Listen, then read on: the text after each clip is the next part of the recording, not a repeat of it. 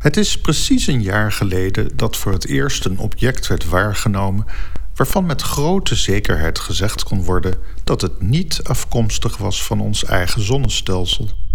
Er werd al vele jaren getheoretiseerd dat dergelijke objecten voor zouden kunnen komen, maar in oktober 2017 werd er dan toch eindelijk eentje zichtbaar voor de astronomen. There, you see? What did I tell you? Het ding kreeg de naam Oumuamua. Dat is Hawaiiaans en betekent een boodschapper van ver die het eerst arriveert. Seems almost a message coming from space. Oumuamua is een langgerekt stuk steen, zo'n 400 meter lang en 40 meter dik, alhoewel het niet exact is vastgesteld. De ontdekker is Robert Werik, die Oumuamua opmerkte met de Pan-STARRS-telescoop op Hawaii. De bezoeker uit de interstellaire ruimte was toen al door de zon van baan veranderd.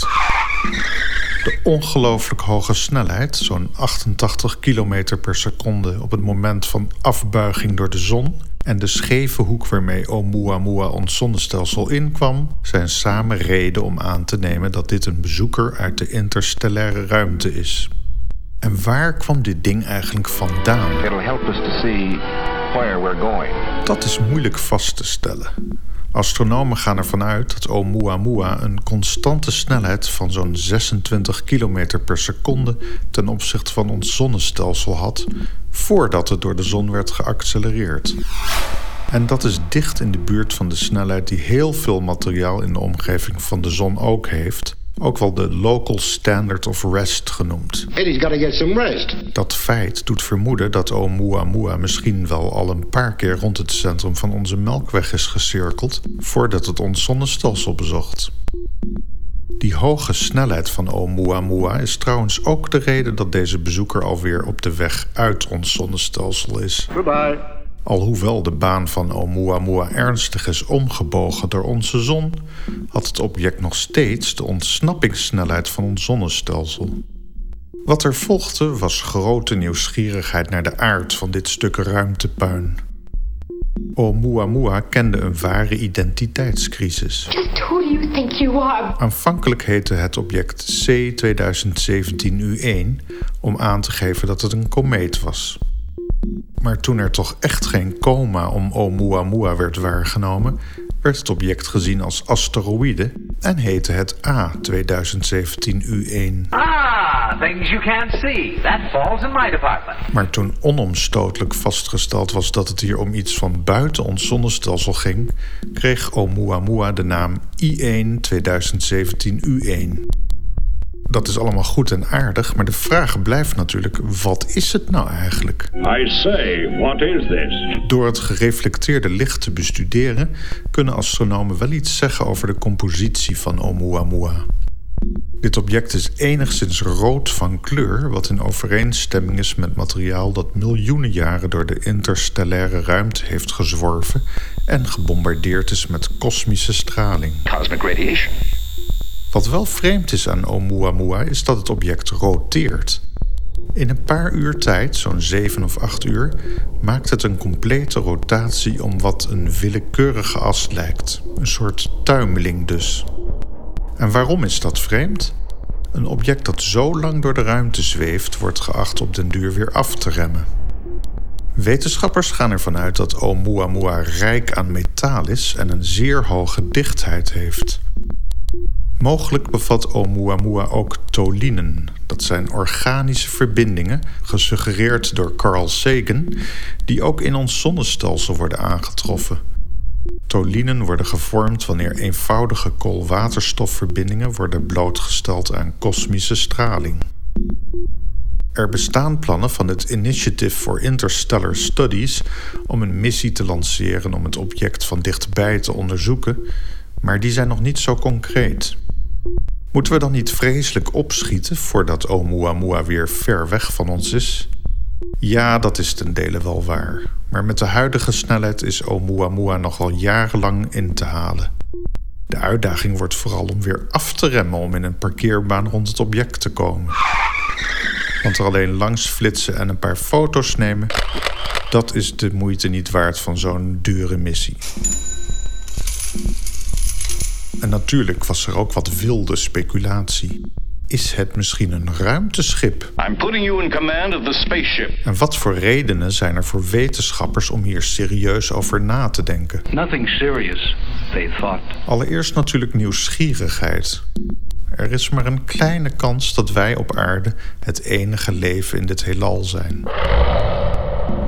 Met name de laatste jaren zijn we erachter gekomen dat planeten rond sterren meer regel dan uitzondering zijn. En met zoveel sterren in zo'n groot heelal is de vraag vooral hoe wijdverbreid het leven is en welke vormen het allemaal al aan heeft genomen. Maar er is meer. Ten eerste die baan van Oumuamua. Op 14 oktober vorig jaar passeerde Oumuamua de aarde op een afstand van zo'n 24 miljoen kilometer. Dat is dichtbij genoeg om de aarde goed te bestuderen. Als je op YouTube een animatie zoekt van de baan die Oumuamua heeft afgelegd door ons zonnestelsel, dan zult u zien dat dit wel tot de verbeelding spreekt als we uitgaan van intelligente bezoekers die de aarde willen onderzoeken. They are nothing but thugs and criminals and predators and, that's right, losers. Ten tweede dat tuimelen. Dat zou volgens sommige mensen ook kunnen duiden op een defect of een door brandstof aangedreven object. En er is ook nog een ten derde. In juni van dit jaar werd geconstateerd dat Oumuamua een acceleratie onderging die niet te wijten was aan de zwaartekrachtseffecten van de zon en de planeten. What's happening, Captain? U kunt hier verschillende publicaties over vinden. De nuchtere verklaring is dat er gassen verdampten van Oumuamua omdat het door de zon werd verhit. Dan zou het toch weer een soort komeet zijn. Of is er toch iets anders aan de hand? Er is serieus gekeken naar radio-uitzendingen op de bekendere frequenties 72 tot 102 MHz. Met de Murchison Whitefield Array in West-Australië luisterden astronomen naar Oumuamua, maar het bleef stil vanaf die kant. Alhoewel dat op zich natuurlijk teleurstellend is, zijn er nog wel zekere implicaties nu we een bezoeker van buiten ons zonnestelsel hebben gehad. In een recente publicatie in het Astrophysical Journal maken astronomen een realistische schatting van het aantal bezoekers dat ons zonnestelsel jaarlijks krijgt. Ze komen uit op zo'n 46 miljoen langsvliegende objecten uit de interstellaire ruimte. En daarmee is er een verschuiving in de theorie over het ontstaan van leven op aarde. Aanvankelijk werd gedacht dat het leven op aarde mogelijk is gebracht door kometen of asteroïden van binnen ons zonnestelsel.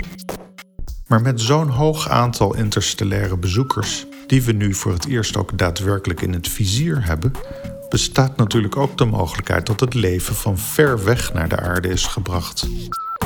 Astronomen Lingham en Loop, die toevallig genoeg vorige week ook al aan bod kwamen in deze column, rapporteren hun bevindingen in een artikel dat deze maand verscheen in die Astrophysical Journal. Zij concluderen dat kleinere interstellaire bezoekers waarschijnlijk eerder zullen worden ontdekt dan grotere, omdat de kleinere varianten veel hoger in getal zijn. Een stukje kansberekening dus. Ook komen Lingham en Loop tot een groot aantal interstellaire objecten die door de zwaartekracht van ons zonnestelsel zijn ingevangen en nu dus onderdeel uitmaken van ons zonnestelsel. Dit in tegenstelling tot Oumuamua, die ons zonnestelsel weer verlaat. Goodbye. Zeker interessant om verder te onderzoeken, denkt u niet? Want als brokken steen van buiten ons zonnestelsel destijds het leven hebben gebracht, dan zijn er misschien nog wel resten van aan te treffen op ingevangen objecten die nu om de zon draaien. Tot slot vragen we ons dan nog af of er op zo'n interstellaire brok steen daadwerkelijk microben aanwezig waren, of dat het leven pas is ontstaan op onze aarde. Het antwoord op die vraag is nog niet bekend, maar we weten wel dat sommige organismen overleven onder extreme omstandigheden. Neem bijvoorbeeld het beerdiertje, de tardigrade. Het is bekend dat dit beestje het vacuüm van de ruimte overleeft. Of het andere uiterste, een druk van 6000 atmosfeer. Het beerdiertje kan ook uitdrogen, waardoor het waterpercentage ervan afneemt van 85 tot 3 procent. om vervolgens als een spons weer water op te nemen om vrolijk verder te leven. En het beerdiertje kan zo'n duizend keer meer straling aan dan wij mensen. Overigens is het beerdiertje geen extremofiel. Het beerdiertje overleeft gewoon deze extreme omstandigheden.